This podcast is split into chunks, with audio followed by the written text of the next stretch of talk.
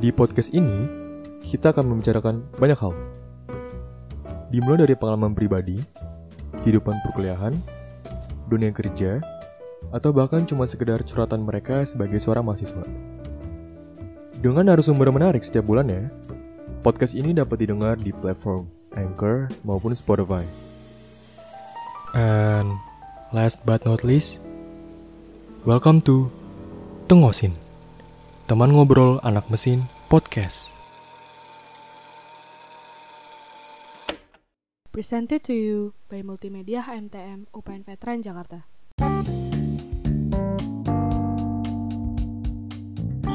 Uh, Assalamualaikum warahmatullahi wabarakatuh. Selamat malam, pagi, siang, sore bagi yang mendengarkan.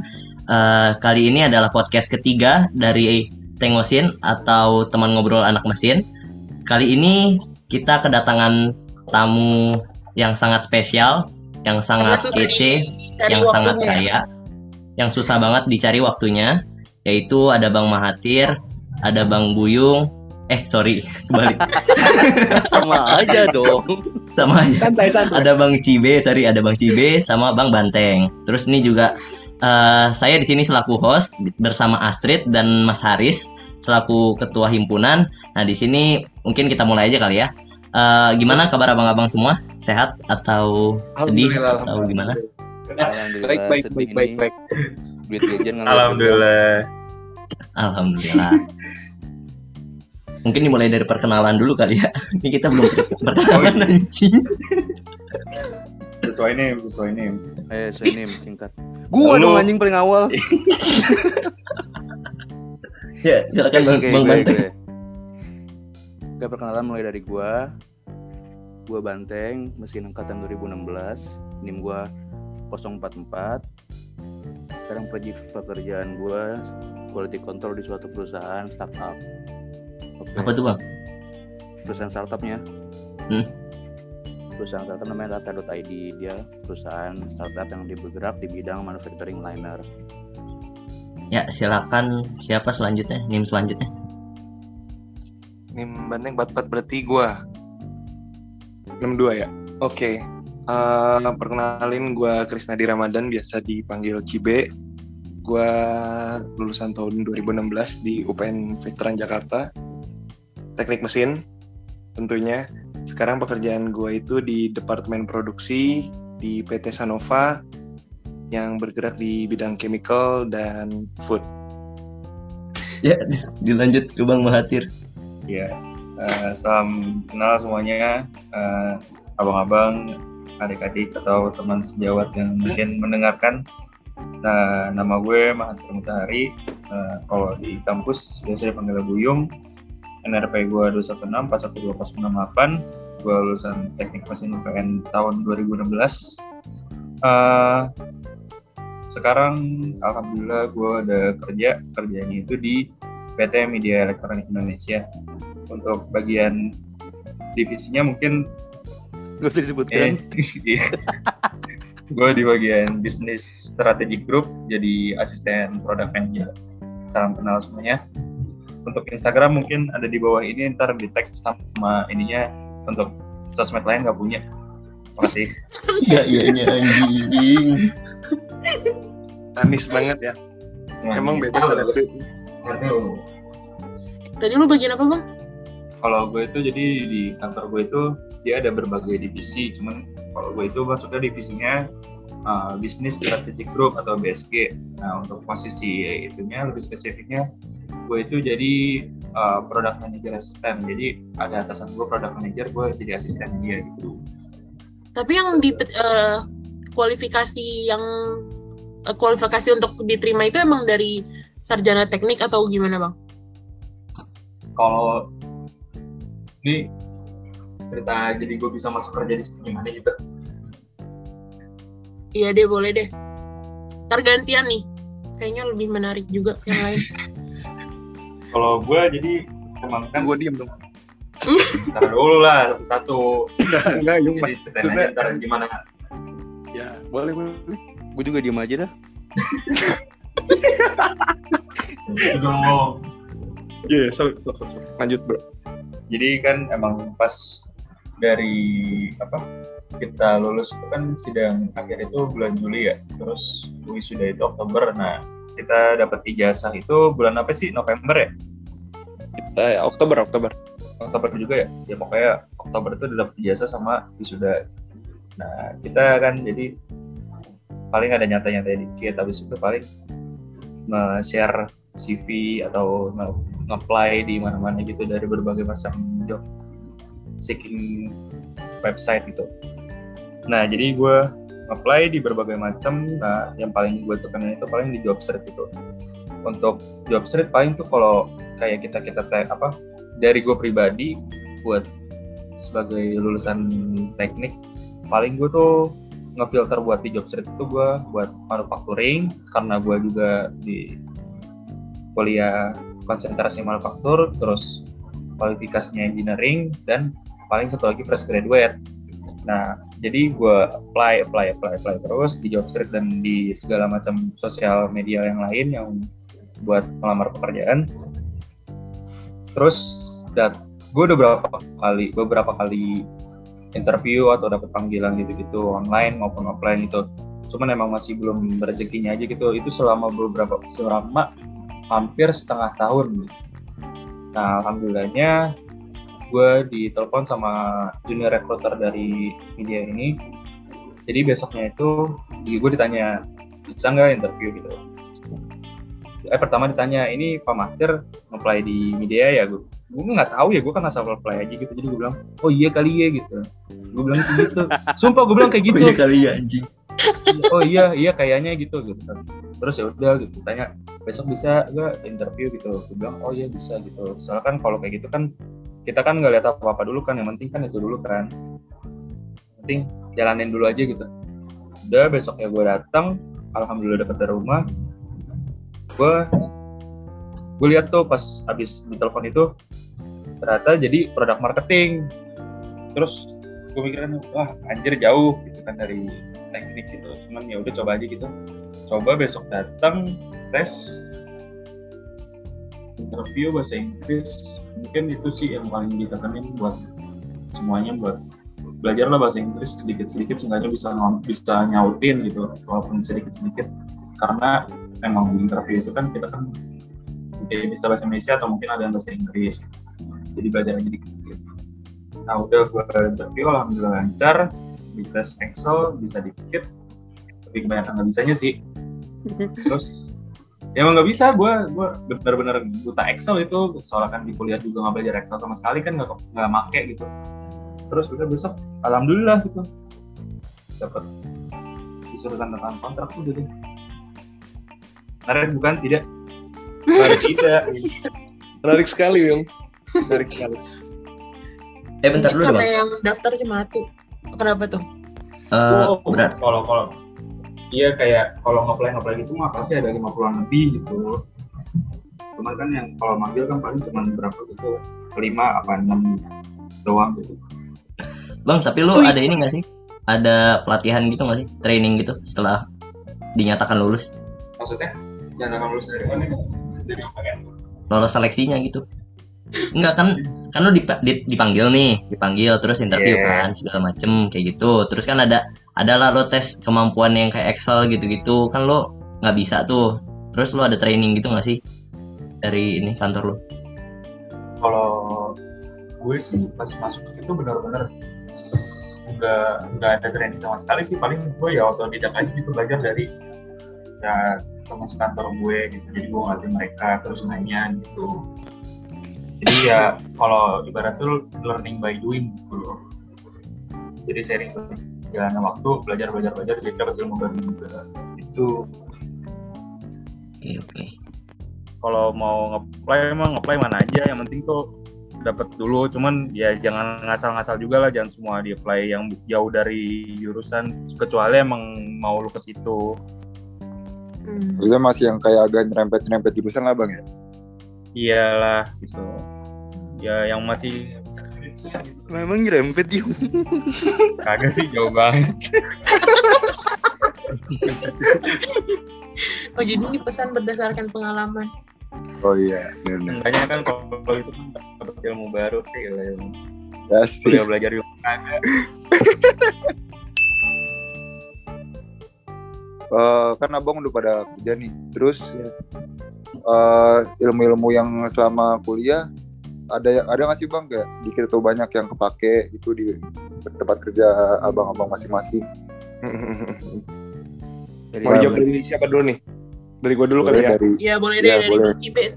Kalau dari gua kan kebetulan gua di manufacturing juga di produksi yang eh, apa namanya yang sehari kesehariannya pun diproduksi pasti dengan berkaitan dengan mesin ya, Hmm. dengan mesin gitu. Nah di posisi gue sekarang nih job desk gue itu uh, gue kan monitoring uh, supervisi lah.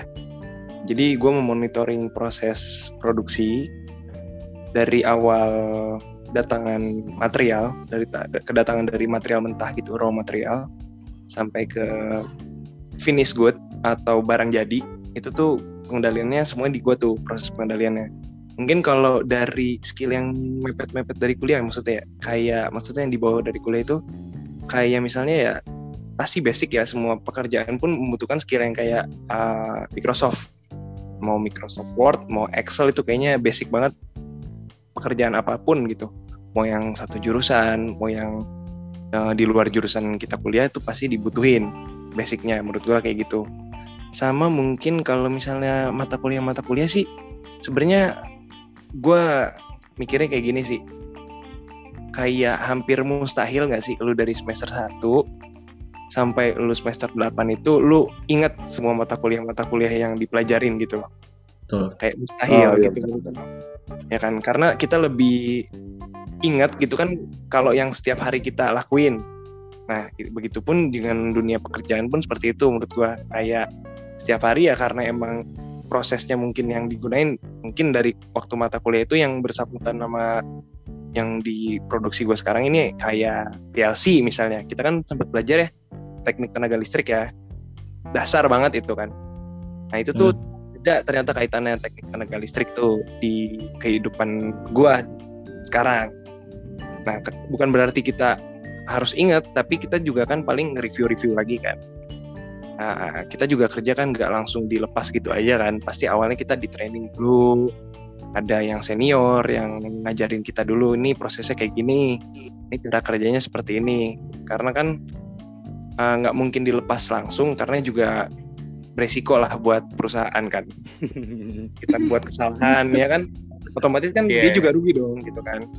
Menurut gue sih kayak gitu sih yang kayak basic-basic mata kuliah sih ya kayak teknik tenaga listrik kalau emang kerjanya di produksi ya.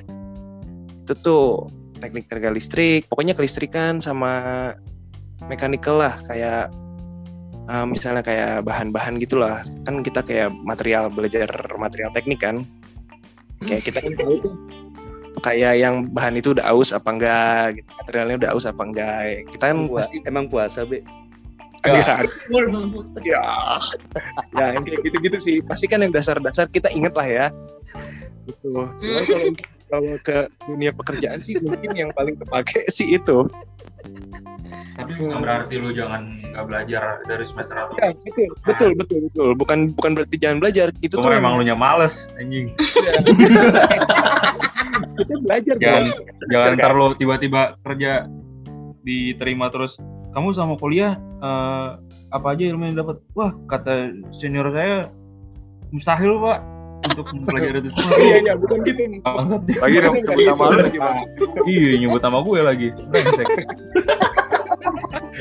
poin gue bukan gitu pak maksud gue tuh kayak Iya. ini ya selagi emang tahapan kita selama kuliah ya belajar ya belajar aja gitu belajar loh. aja jangan Iya. takut akan kita harus ingat semua apa yang di kuliah selama Ya. itu gitu. Nah, karena kalau itu jadi kita beban malah kita kan nggak bisa gitu kan. Nggak enjoy. Itu sih kalau dari gua paling ikutin basicnya alur ya aja ikutin alur. Betul betul betul. Mungkin ini yang jarang disadarin sama kita ya. Tapi menurut gue basic yang selama kita kuliah itu yang kepake di pekerjaan itu ya contohnya ya leadership. kita itu public speaking. Nah Public ya, bersosialisasi. Ya sosialisasi sama orang. Kita kan harus adaptasi ya. Kita juga namanya baru masuk awal kerja di lingkungan yang baru di ya kehidupan yang baru lah. Karena biasanya kan mungkin kita kuliah mah kan beda ya dengan pekerjaan hubungannya profesional. Kayak gitu. Kita kan harus adaptasi. Nah mungkin yang harus dibawa dari kuliah itu ya mungkin dari organisasi mungkin kayak kita sering argumen sama orang kita sering nyampein pendapat. Ya kita tukar pikiran. Itu kan kita berani ngomong itu membantu banget gitu. Sama Nah. mungkin kayak eh, ketika lu nanti sudah di posisi yang top manager lah misalnya kan lu harus menentukan mengambil keputusan. Bukan lah kayak manajer lah gitu. Keputusan kan. Nah itu kan yang harus yang biasa kita suka alamin kan waktu kuliah tuh kayak eh mengambil keputusan misalnya kita mau ngadain acara apa. Kalau ngambil keputusan ini resikonya seperti ini kayak gitu gitulah mungkin itu basic yang kita nggak sadarin sebenarnya yang kebantu banget gitu ngebantu banget buat kita di pekerjaan gitu Betul. Nah, Betul.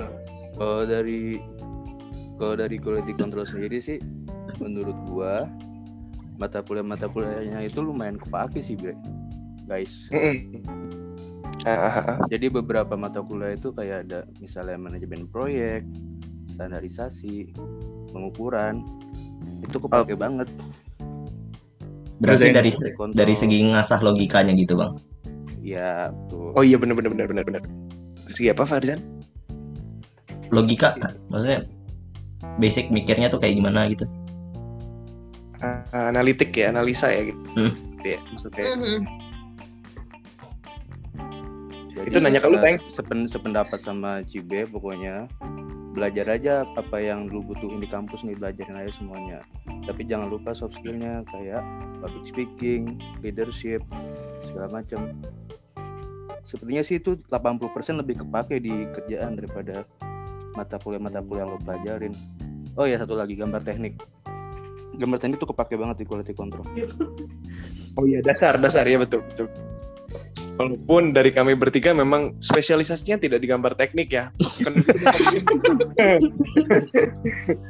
Tapi maksudnya kayak, iya kayak punya basic gitu ya bang ya buat dari ilmu Iya. di kampus, basic Iya. ilmunya. Ya ada lah, walaupun sedikit-sedikit juga pasti harus ada lah ya. Mm-mm. Ya, betul, betul. Tapi- harus menguasai yang penting paham aja sedikit gitu. Iya, Ya begitu maksud gua tadi. iya. Kalau dari Bang Udah. Matir sendiri gimana Bang Matir? udah lanjut gibah aja kalau matir lah udah lah nggak usah Ya, Bang menurut Matir gua, tadi- kayak iya. nggak ada kepake Nah, Ini kita poin poin wah menarik loh. dong. Menurut, menurut gua poin menarik loh. Ya, oh, iya, boleh dibahas ini nih. Silakan poin menarik. Dulu kan dari pandangan ini ya, apa kalian-kalian yang di engineering kan. Kalau gua kan non engineering. hilang hilang Sama making. Hilang ya? hilang Eh, bang eh, Ada nggak nih? Coba dulu. Ini hujan nih. Ada ada ada. Bang lu Jadi ya menurut gue tuh public speaking sama decision making sih soalnya gue tuh tipe orang yang benar-benar dulu tuh gak bakal ngelakuin apa-apa kalau nggak disuruh. Nah selama ini tuh jadi sama aja gitu. Cuman bedanya kalau di kerja itu kan kita nggak ngelakuin apa-apa, ntar ngefek kan ke perusahaan gitu. Jadi kita Hmm. harus Inisiatif. harus harus inisiatif Inisiatif. sendiri gitu. Jangan nunggu disuruh kayak kayak gue juga diingetin sama atasan gue gitu. "Eh, kamu harus eh, inisiatif dari diri kamu sendiri. Apa yang harus kamu kerjain? Nggak bisa kamu berhenti kerja tok kamu nyantai-nyantai gitu nggak ada. Ini perusahaan bakal tetap jalan terus. Kamu nggak bisa berhenti gitu. Itu sih. Jadi gue juga gue dulu tuh susah banget bersosialisasi gitu terus awal-awal gue masuk juga gue sering banget miskom sama atasan gue gitu jadi ya udah gue seiring berjalannya waktu gue berkomunikasi sama banyak orang akhirnya ya udah gue apa lebih meminimalis meminimalisir apa sih gimana Minimalisir. Minimalisir. minimalisir Pemensisir. minimalisir kom gue sama atasan gue gitu jadi menurut gue ya yang soft skill soft skill gitulah paling kepake kepake banget gitu. paling ya kalau untuk yang itu kayak gambar teknik itu mungkin masih perlu buat yang engineering engineer gitu kan. Kalau misalnya lu mau kerja di bagian teknik mungkin kalau yang non teknik lu uh, tekenin kayak di Microsoft gitu. Kayak apa sih? Kalau Manpro itu pakai apa? Visio. Excel. Pakai Visio gitu. Oh, vi-. Visio Excel itu Hmm. penting tuh paling kalau di non teknik ya gitu. Cuman kalau misalnya emang kalau dari saran dari gue misalnya emang lu mau seandainya kalau nanti lu mau kerja ngambil non teknik ya, jangan jangan takut sih maksud gue tuh ya coba aja dulu gitu kayak jalanin aja dulu siapa tahu emang cocok kan gitu lebih cocok dibanding kerja teknik itu jadi ya jangan jangan takut don't be afraid anjay Iya, bener sih bang. Bener sih. Soalnya awal-awal apa ya? gue kerja tuh emang gue takut gitu apa gimana Iya, lanjut bang, lanjut bang. enggak lu mau nanya apa ya? Kagak nggak nanya. soalnya dari tadi emang ngomong gue tidak berbobot kalau tidak ditanya Enggak maksudnya gini bang. Kalau tadi abang-abang juga bilang ujung-ujungnya nanti kerja pun kalau ini nggak harus melulu eh, sesuai sama jurusan yang kita ambil kan pas kita lulus gitu. Kita ya Betul. mau nggak mau siap nggak siap juga harus nerima pekerjaan yang lain juga. Sampai juga Iya. kita butuh apa kayak istilah kerjaan gua sih- gitu juga kan ya. pengalaman lah ya kita tuh Hah?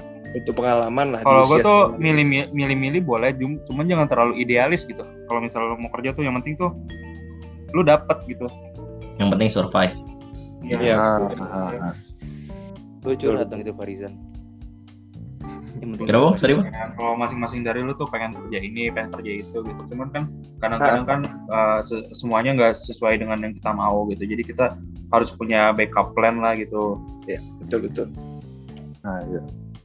tapi tapi nih gue boleh izin masuk ya Iya, Ya, Bang. bang. gue ini banget nih gue masih ingat banget dari kata-kata dari Pak Holis salam buat Pak Holis semoga sehat selalu, Iya, ya Pak semoga sehat selalu Pak Holis Amin. Amin. Semester Amin, amin. 4 itu dia ngajar proses manufaktur ya kalau nggak salah waktu itu di tahun gua di 2016 semester 4 dia ngajar proses manufaktur 2 dia tuh selalu nerapin metode yang kayak kita sebelum mulai kuliah itu ada quote seperti seperti kayak gitu kan kalau mungkin dia Iya, Bang. Iya, iya, Bang. ya kan kayak gitu ya Nah, sampai sekarang Terus sih. dia juga, dia juga sempat bilang Pak Holis ini eh, beliau beliau sempat bilang kayak kalau emang kalian mau lulus setelah lulus itu kalian ker- pengen kerja gitu kerjanya tuh di mana? Misalnya kalian pengen kalian pengen kerja di Unilever atau United Tractors lah apalah semacamnya. Ya kalian cari tahu di sana itu apa yang harus kalian siapin gitu loh. Gitu dari semester 4 tuh Paulis tuh udah ngomong kayak gitu. Jadi ketika kalian lulus nanti kalian tuh nggak bingung gitu loh dengan apa yang kalian kuasai. Karena kan nanti ketika kalian lulus nih kalian tuh uh, pasti ditanya dong kelebihan dan kekurangan kalian tuh apa itu interview pasti ada selalu pertanyaan yang kayak basic kayak begitu tuh. Nah ketika kalian sudah tahu nih dan emang kalian ngebet banget gitu kan ibaratnya gue pengen banget nih kerja di Unilever di bagian mechanical engineeringnya misalnya. Gue pengen banget gitu. Ya kelebihannya ya saya misalnya udah mempelajari lebih dalam tentang ini karena saya cari tahu dari semenjak semester 4 jadi saya paham betul dengan yang dijalankan di Unilever nanti job desk saya seperti apa yang kayak gitu tuh. Itu tuh PR banget tuh bener. Gue setuju banget sama Pak Holis. Kalaupun kalian lebih memilih jadi pengusaha ya kalian pikirin dari semester 4 itu. Kalian mau usaha apa? Kalau bisa mulai dari semester 4 itu karena ketika kalian nanti lulus usaha kalian sudah jalan gitu. Jadi jangan pas kalian habis lulus. Aduh gue mau ngapain ya? Kayak gitu. Maksudnya Pak Holis tuh kayak gitu tuh. Hmm. jadi ya kalau bagi-bagi adik-adik yang sekarang lagi semester semester 4 tengah-tengah lah. Tingkat 2 tingkat satu tingkat tiga gitu. Masih ada waktu untuk mikir ke situ gitu. Karena kan banyak ya sekarang mah di internet tuh kita bisa nyari informasi banyak banget gitu misalnya Banyak job banget. desk di ini apa? Iya. job desk sebagai mechanical engineering apa? Job desk sebagai produksi apa? Quality control apa? Kayak gitu. Untuk masukkan jadi kan nanti kalian lebih paham gitu. Ya sertifikasi apa aja yang dibutuhin Hmm. itu banyak banget. mungkin sertif juga uh, ya gitu. Yang kayak gitu sih sebenarnya. Jadi ketika lulus tuh langsung terbuka lah gitu. Udah udah siap. Jadi lulus tuh udah tek oke gue mau ngelamar di sini misalnya cita-cita gue Unilever ternyata Unilever kan itu yang produksi dengan barang konsumsi ya. Ternyata nggak di Unilever aja nih ada yang pro- uh, PT yang di barang konsumsi kayak Mayora. Kalian juga bisa ke Mayora. Karena kenapa? Kalian udah mempersiapin diri kalian untuk di PT-PT yang seperti itu. Mayora Java yang kayak gitu gitulah jadi kalian udah kebayang. Gitu. Ya oke. Kasih bang. Iya yang kayak bilang tadi Be, jadi misalnya lu kalau lulus itu lu pas ngeplay ngeplay gitu lu tahu lu mau di mana jadi lu bisa ngefilter sendiri gitu jadi ah betul ya, lo bakal tahu oh jadi ada di sini sini sini juga gitu loh yang buka perusahaan maksudnya yang kayak gue mau posisinya gitu loh ya gitu Sebenarnya banyak sih ya. Profil perusahaan dulu gitu ya bang ya. Iya, Terus profil gimana? perusahaan. terus kita minatnya di bidang apa gitu kan Mm-mm. Kita kan teknik juga pun teknik mesin dibagi tiga lagi kan yang kayak konversi konstruksi manufaktur. Ya itu kan beda-beda lagi tuh jenis perusahaannya. Tuh. Mungkin itu sih. Ya cuman salut juga yang kayak buyung-buyung kayak gitu. Yang maksudnya ya untuk di era yang lagi pandemi kayak gini lulusan yang corona ini kan juga saingannya tuh bukan fresh graduate aja ya Yong Teng. Hmm. Ya Orang yang kan, saingan- banyak banget. saingan kita orang yang di-cut dari perusahaan yang udah punya pengalaman dan segudang sertifikat yang lebih mempunyai value lah daripada fresh graduate. Graduate. Cuman jangan takut juga untuk fresh graduate karena menurut gua sih fresh graduate itu juga dicari karena satu muda ya kan. Terus mungkin dari perusahaan atau user yang akan ngerekrut kita nanti juga kayak mikirnya wah fresh graduate ini lebih fresh nih di pemikirannya gitu loh. Dan dia tuh masih belum punya eh, basic apa-apa nih. Kita masih bisa ngedidik dia kayak gitu. Jadi jangan Ya, takut iya, juga bersaing betul. sama yang udah experience gitu. Tapi jangan kaget juga ketika lo misalnya sebagai anak konstruksi atau anak manufaktur dari perusahaan dituntut untuk menjadi anak konversi. Karena di perusahaan sering kayak gitu. Iya betul. yang, yang kita apalagi dituntut jadi anak bisnis. Ya itu dia. Iya, karena perusahaan tuh nuntut kita sebagai engineer mesin, mechanical engineer, ya harus bisa semua yang di mechanical engineer, nggak cuma dari manufaktur doang, nggak cuma dari konstruksi doang, nggak cuma dari konversi doang, harus bisa semuanya. Kadang-kadang ada perusahaan yang kayak gitu. betul betul betul. Itu sih Oke. ada lagi ada lagi apa nih apa lagi nih Oke oke oke. Bentar dulu nih, berarti kalau bisa ditarik garis garis besarnya lah ya. ya Eh, kalau yang utama itu kita selama kuliah harus ngelatih soft skill kita dari segi cara kita penyampaian pendapat, eh, public speaking, kayak eh, sosialisasi gitu-gitu, itu penting ya bang. Itu yang Penting. salah satu yang paling utama. Nah terus setelah itu juga eh, semua materi yang kita pelajarin di perkuliahan tuh memang nggak semuanya bakalan kepake untuk pas kita di dunia kerja nanti, tapi eh, adalah basic-basic yang bakalan nyantol ya di dun- ya untuk betul basic ya betul di, di dunia kerjanya kayak gitu. Nah terus apa lagi ya? Berarti eh apa lagi sih? Ada yang nambahin? Ah, itu tadi tuh, tentuin lah kalau mau jadi pengusaha atau mau jadi pegawai dari semester semester tingkat 2 kayak gitu. Ah, iya. Berarti ya harus ada planning ya bang dari udah dari jauh-jauh hari gitu untuk gue Ya, mau ngapain sih di, di hidup gue gitu. Ya, betul. betul. Ya, dari jauh hari, jangan buta hari. Ya. Tapi dari abang sebelumnya dari abang-abang yang di sini ada ada nggak sih target kayak oh gue dulu pengen masuk United Tractors misalnya kayak gitu ada nggak sih? Oh, tentu tidak. Jadi kayak Oh udah ada gitu gitu bang. ya? go with it. Kalau gua dulu yang dari efek Paholis yang ngomong itu gua di usaha, bikin usaha tuh pas semester 4. Tuh. Karena gua mikirnya kayak gua nggak banget nih kayaknya di, di teknik mesin gitu dulu ya. Ternyata setelah itu ya usaha pun butuh waktu yang banyak, butuh pemikiran yang lebih sulit juga karena kan ngebangun ya beda sama Ya, kita betul, jadi Ya, gitu kan. Gitu. Jadi ya pada akhirnya ya begitu. Jadi kerja mau nggak mau. Itu sih. Dan Kalau Banteng mau Buyung mungkin coba. Kapan tadi pertanyaannya? Perusahaan-perusahaan impian pasti setiap orang pasti ada lah ya. Ya gue pun ada. yang ditargetkan. Oke. perusahaan impian bang pas masuk kuliah gitu bang Buyung apa ya jujur ya kalau gue dulu tuh bener-bener kuliah tuh ngalir aja gitu jadi kayak kita kuliah kuliah aja gitu jalannya yang penting lulus gitu.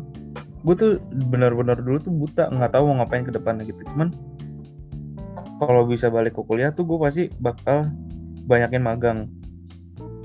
Banyak banyakin apa sih pokoknya organisasi sama di di dalam kampus maupun di luar kampus ya. Cuman yang memang ada benefitnya buat ke depannya gitu loh. Jadi emang ada manfaatnya gitu ya. Iya, jadi kalau misalnya emang lu mau nargetin lu mau kerja di mana, lu tuh emang harus ada pengalaman yang banyak gitu ya, effort yang lebih juga kayak Duh, apa ya gimana ngomongnya gue lupa. Iya, maksudnya lu coba-coba magang ya, gitu kan. Iya, Dari pas Kayak- kuliah. Perbanyak pengalaman gitu bang. iya Terlalu perbanyak banyak pengalaman gitu.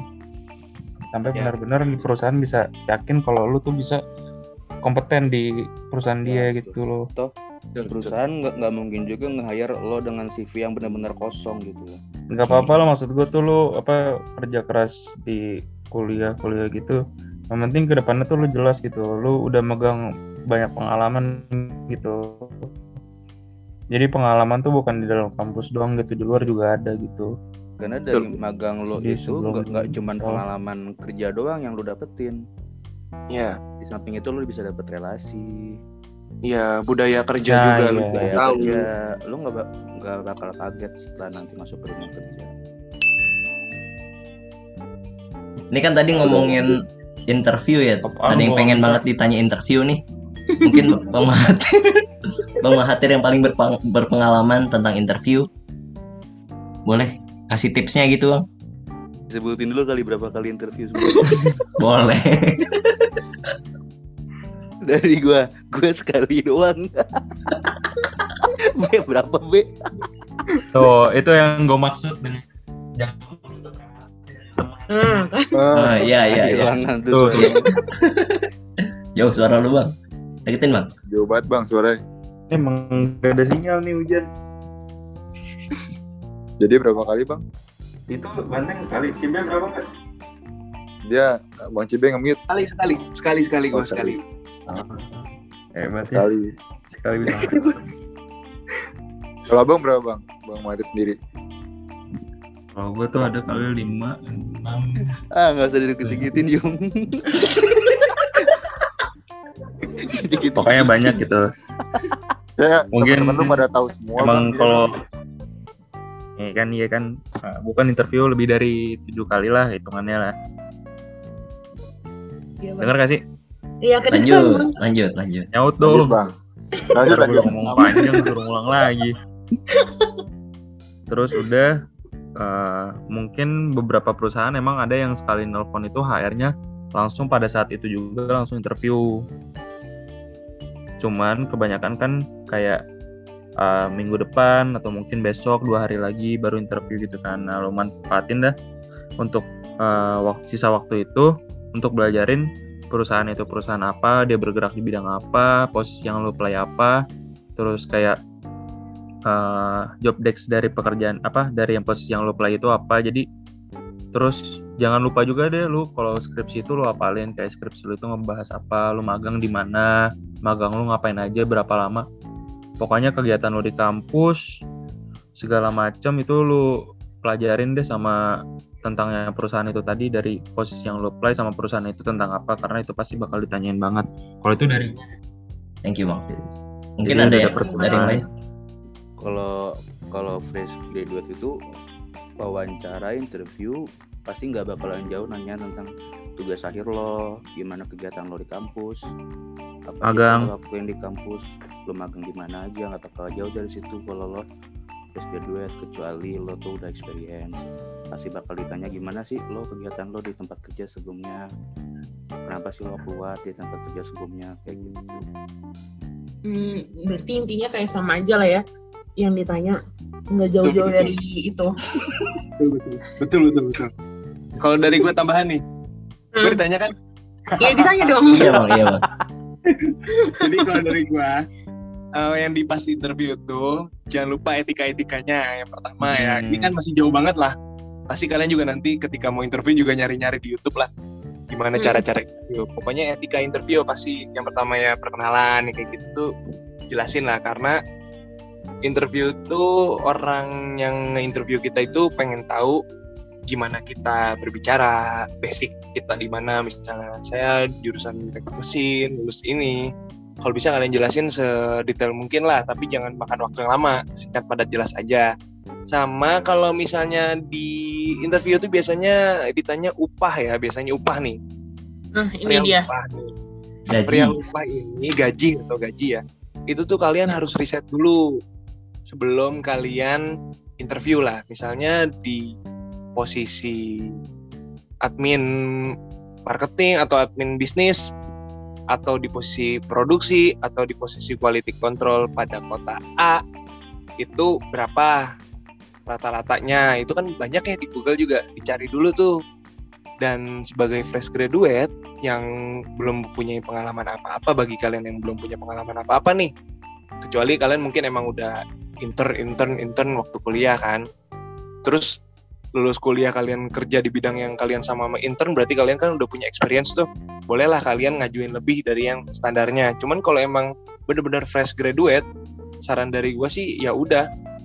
Untuk fresh graduate ya wajarnya mungkin UMR di atas sedikit menurut gua. Kayak gitu sih. Nggak tahu ya mungkin ah, yang dulu-dulu abang-abang yang lebih dulu lulus daripada angkatan kita gimana cuman kalau menurut gua wajarnya sih mungkin gitu UMR di mana pun lah. Kalian misalnya ngelamar di Cikarang atau ngelamar di Jakarta cari tahu UMR di daerah tersebut PT-nya atau perusahaan kalian tuh misalnya domisili di mana cari tahu UMR-nya berapa. Jadi karena itu ngaruh banget. Kalau kalian mikir kalian itu sarjana kalian tapi nggak punya pengalaman apa-apa ya perusahaan juga hanya mikir kalian sebagai orang "Ya udah lu mah cuma sarjana doang gitu loh di luar sana juga banyak sarjana yang pengen kerja sama gua gitu. Tapi namanya kalian udah dapat in- eh, kesempatan interview berarti kalian kan orang yang lolos seleksi nih. Eh, untuk tahapan itu ya kalau bisa maksimalin banget apa yang harus kalian riset sebelum kalian interview gitu. Yang kayak masalah upah itu penting banget karena itu fatal sih menurut gua. Lumayan fatal kalau kalian salah masukin angka kalian expect terlalu tinggi. Ya perusahaan juga mikirnya "Ah, ini belum apa-apa aja udah kayak gini gitu loh. Atau enggak kalian juga jangan naruh keren- jangan naruh kerendahan.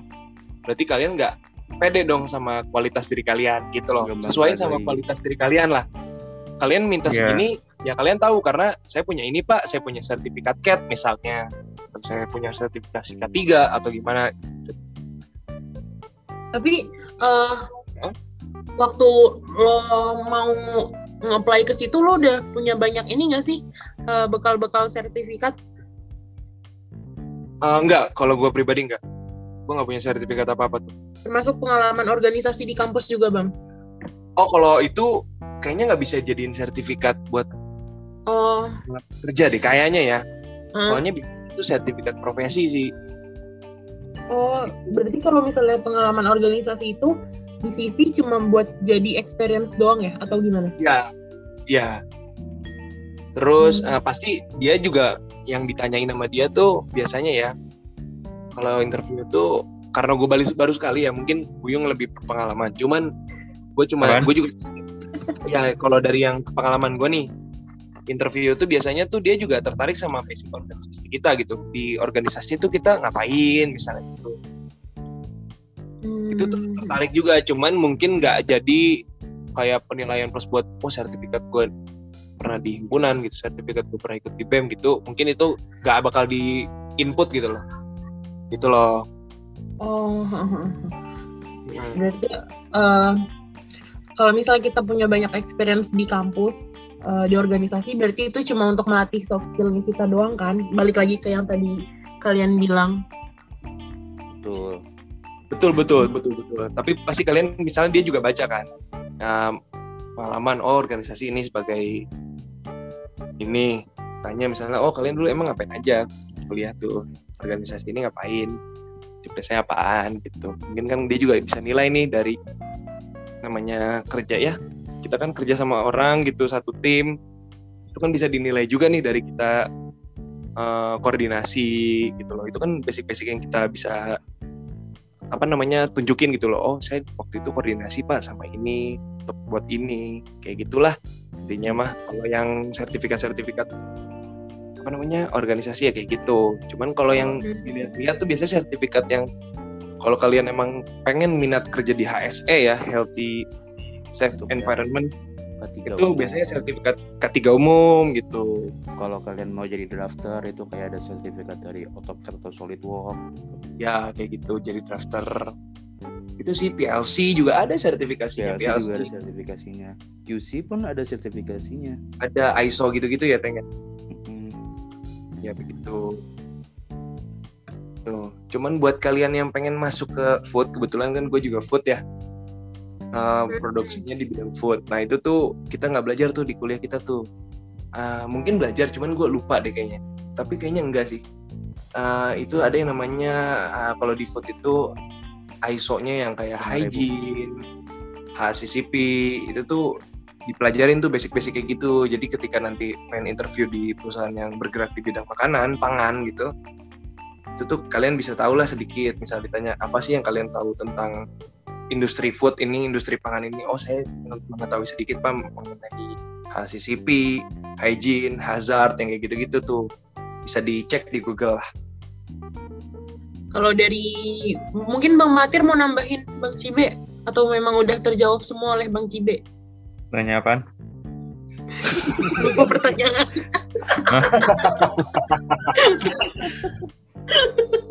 Waktu masuk ke tempat kerja lo yang sekarang ini, lo bawa sertifikat apa aja bang? Selain squadron. Kayaknya gue nggak nyantumin sertifikat sih, cuman kayak ditanya pengalaman itu aja, kayak pengalaman organisasi selama kuliah tuh lu apa, terus itu lo bagian apa, ngerjain apa gitu-gitu doang sih paling. Gue bertiga, emang kita bertiga ada megang sertifikasi apa ya? Nggak ada. Gak ada. Nggak ada, nggak ada. Cuman ya itu. bukan, cuman ya itu pasti penting sertifikasi. Makanya gue bilang tuh kalau gue bisa balik ke kuliah tuh, gue bakal ini ngejar sertifikasi sama itu. Tapi bukannya belum telat ya bang? Hmm. Kalau misalnya Enggak. sekarang kita mau sertifikasi. Kalau sertifikasi, Nggak, iya, Nggak ada yang namanya bisa. telat. anjir. Keren, keren. Cuman kan kalau misalnya dulu telat. kuliah dulu kan banyak waktu luangnya gitu. Lebih baik lo telat daripada nggak sama sekali. Anjir. Anjing. Jadi sangat dewasa ya kalian. Tapi pantas nggak ngomong gitu banteng. Kagak.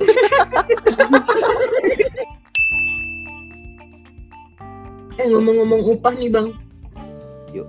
Kan berarti kalian beda-beda kan UMR-nya masuknya karena Bang Ciwe masuknya ke Jawa Barat. Tadi sebelum ini kan kita udah ngomongin upah nih dan kita sama-sama setuju ya kalau misalnya ngomongin ini nggak nggak sensitif gitu karena bagi sebagian orang tuh kalau ngomongin gaji kayaknya sensitif gitu.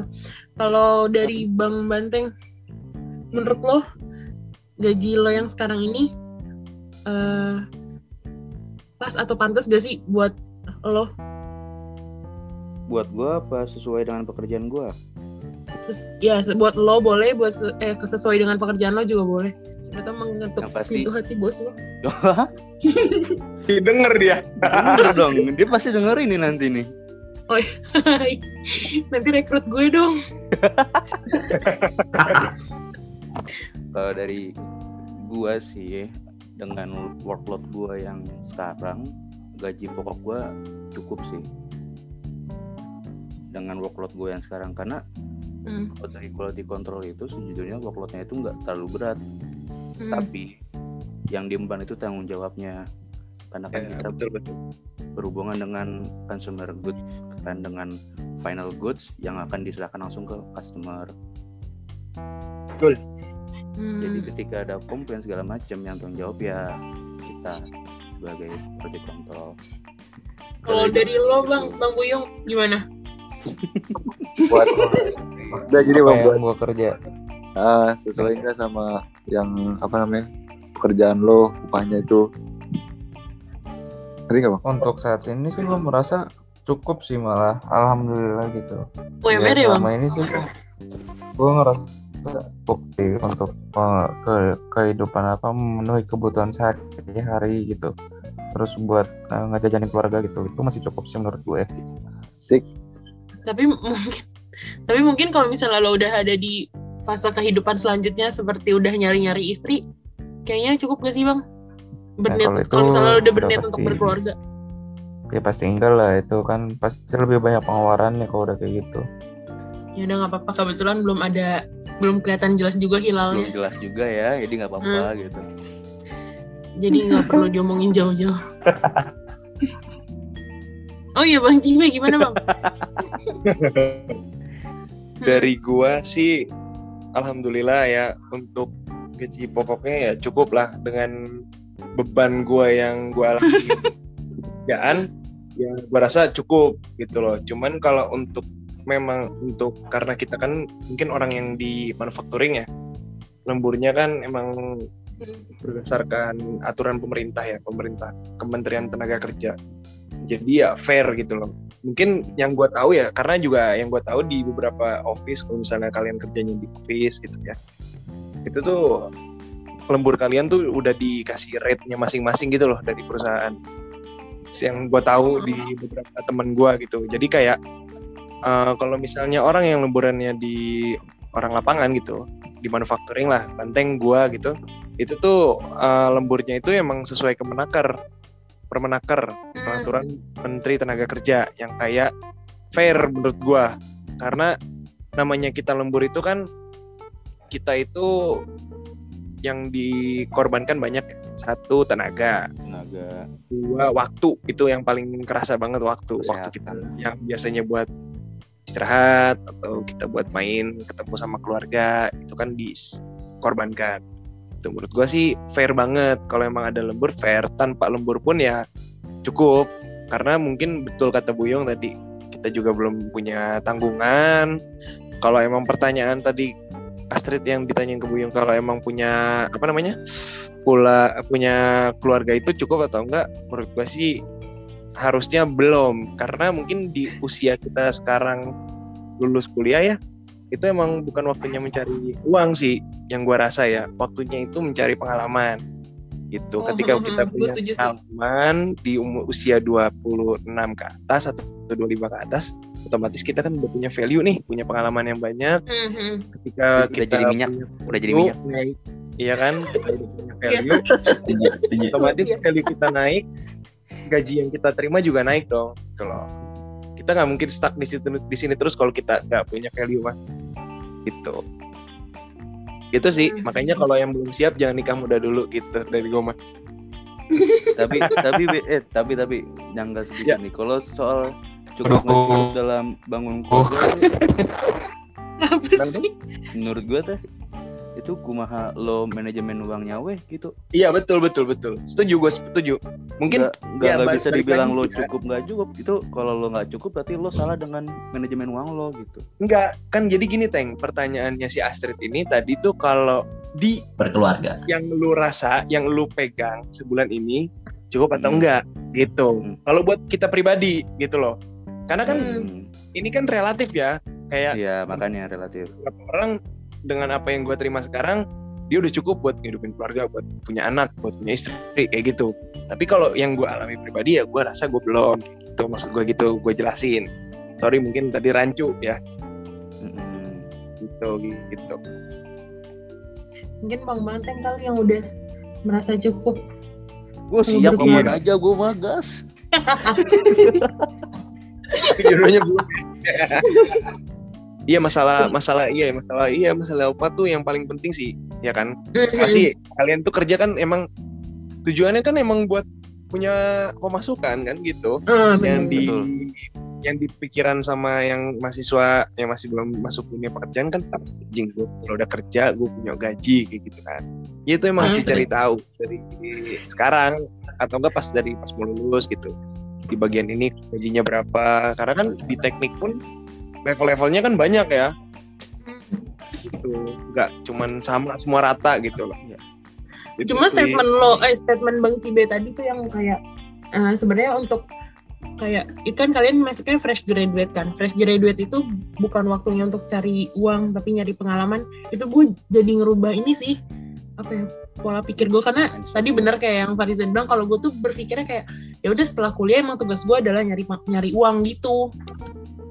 Iya gitu kecuali Betul. kecuali ya kecuali Astrid kalau udah dapet om-om yang kaya Ya bro, harus gue ngomong di sini. closing Iya. statement aja deh sama saran buat Ah. adik-adik itu kali ya Boleh, boleh. Ya udah sok atuh dari Bang Buyung dari tadi semangat banget sampai putus-putus. Enggak, dari ini dulu lah. Sesuai ini mah. Buat dari gue saran buat adik-adik semua soft skill lo lo kembangin lagi. Kayak tadi public speaking lo leadership lo itu lo kembangin benar-benar lo manfaatin benar-benar ketika ada lo ditawarin sempat kesempatan untuk jadi ketua himpunan misalnya atau jadi ketua acara aja lah misalnya lah ya itu lo benar-benar manfaatin karena itu bakalan kepake banget nanti di lingkungan kerja. Selain itu juga kayak misalnya kayak sertifikasi itu ya sebisa mungkin lo ambil lah kayak misalnya ketiga umum sertifikasi drafter apa pun itu bisa mungkin lo ambil semua karena pasti bakalan banget tuh kepake nanti kerja Cakep. Ya silakan Bang Cibe. Kalau dari gua, kalau dari gua saran buat adik-adik yang mendengar ini, saran gua sih satu aja, eh, nggak satu sih, lumayan satu tapi bercabang ya. Jadi yang saran dari gua ini, nah nikmatin aja waktu kalian selagi kuliah, karena menurut gue ya eh, waktu kuliah itu adalah waktu main-main yang terakhir nggak sih? Waktu main-main maksudnya dalam arti bukan main-main lu bisa traveling ke mana-mana ya, maksudnya main-main yang kita tanpa harus memikirkan tanggung jawab kita sebagai manusia dewasa loh gitu. Jadi nikmatin aja waktu kalian selagi masa kuliah. Uh, jadilah mahasiswa yang seharusnya mahasiswa itu ya gimana gitu loh. Ya tugas kerjain, ya ikut kelas, jangan malas-malas banget lah. Kalau emang harus masuk ya sewajarnya harus masuk ya masuk. Terus juga banyak-banyak jalin relasi sama orang gitu. Siapa tahu rezeki lu itu ada di orang yang pernah lu jalin relasinya dulu yang lu nggak ngeh kayak gitu sih soft skill banteng udah ngomong gitu. udah pastilah soft skill itu aja sih Oke, thank you Bang. Ya dilanjut kepada Opa. Kayaknya dia udah nulis ini skenario nya ayo bang. Iya. Kalau dari gue sih untuk adik-adik terutama ya, karena bukan adik-adik doang yang mendengar, tapi untuk siapa pun itu mungkin yang mendengar ini, eh, saran gue sih baik-baiklah sama orang gitu. Lu nggak tahu rezeki lu dari mana gitu. Kayak baik-baik ke junior lu, senior lu, bahkan dosen gitu. Bisa aja rezeki lu datang dari dosen lu atau dari temen lu, dari senior lu. Jadi ya jalin hubungan dengan baik lah karena sumber rezeki itu bisa dari mana aja. betul nggak nggak cuma dari angka satu jurusan doang bisa dari Iya. lain bisa dari fakultas lain gitu betul Kalau yang tadi udah gue bilang sih pokoknya eh, jangan gampang patah semangat gitu. Yang penting tuh lu terus berusaha buat menggapai apa yang lo mau gitu. Bisa diambil contoh dari gue bertiga gini lah. Gue jujur gue pribadi tuh kayak gue nganggap Cibe sama Banteng itu bukan sebagai teman juga juga juga sebagai saingan gitu. Jadi gue kadang terdorong juga kalau mereka udah kerja gitu gue ada dorongan itu jadi pinter-pinter lah cari teman juga walaupun bukan berarti lu milih terlalu milih-milih banget gitu cuman cari teman yang sefrekuensi sama lu bisa lu ajak eh, diskusi cara enak gitu Intinya bisa memotivasi Ya. lu juga jadi lebih baik gitu kan iya ya. jadi lu Hmm. terdorong gitu dari teman-teman lu ini yang di sekitar lu untuk menjadi lebih baik lagi Benar benar. Karena Oke, kita thank you. hidup nggak cuma hahi, oke? Iya. Kayaknya Nah, dari gue ya. sekian. Makasih banyak abang-abang sudah mem, me- apa ya? me- Sharing lah, sharing ilmu Hmm, ke kita hmm. semua. Lagi lo Pokoknya eh itu aja teman-teman eh, podcast ketiga dari HMTM kali ini dari narasumber yang super keren dan segala macam pembicaraan yang sangat bermanfaat. Eh, itu aja, terima kasih. Assalamualaikum warahmatullahi wabarakatuh. Selamat pagi, siang, sore, dan malam. Terima kasih. Terima kasih semuanya. Eh, akhir.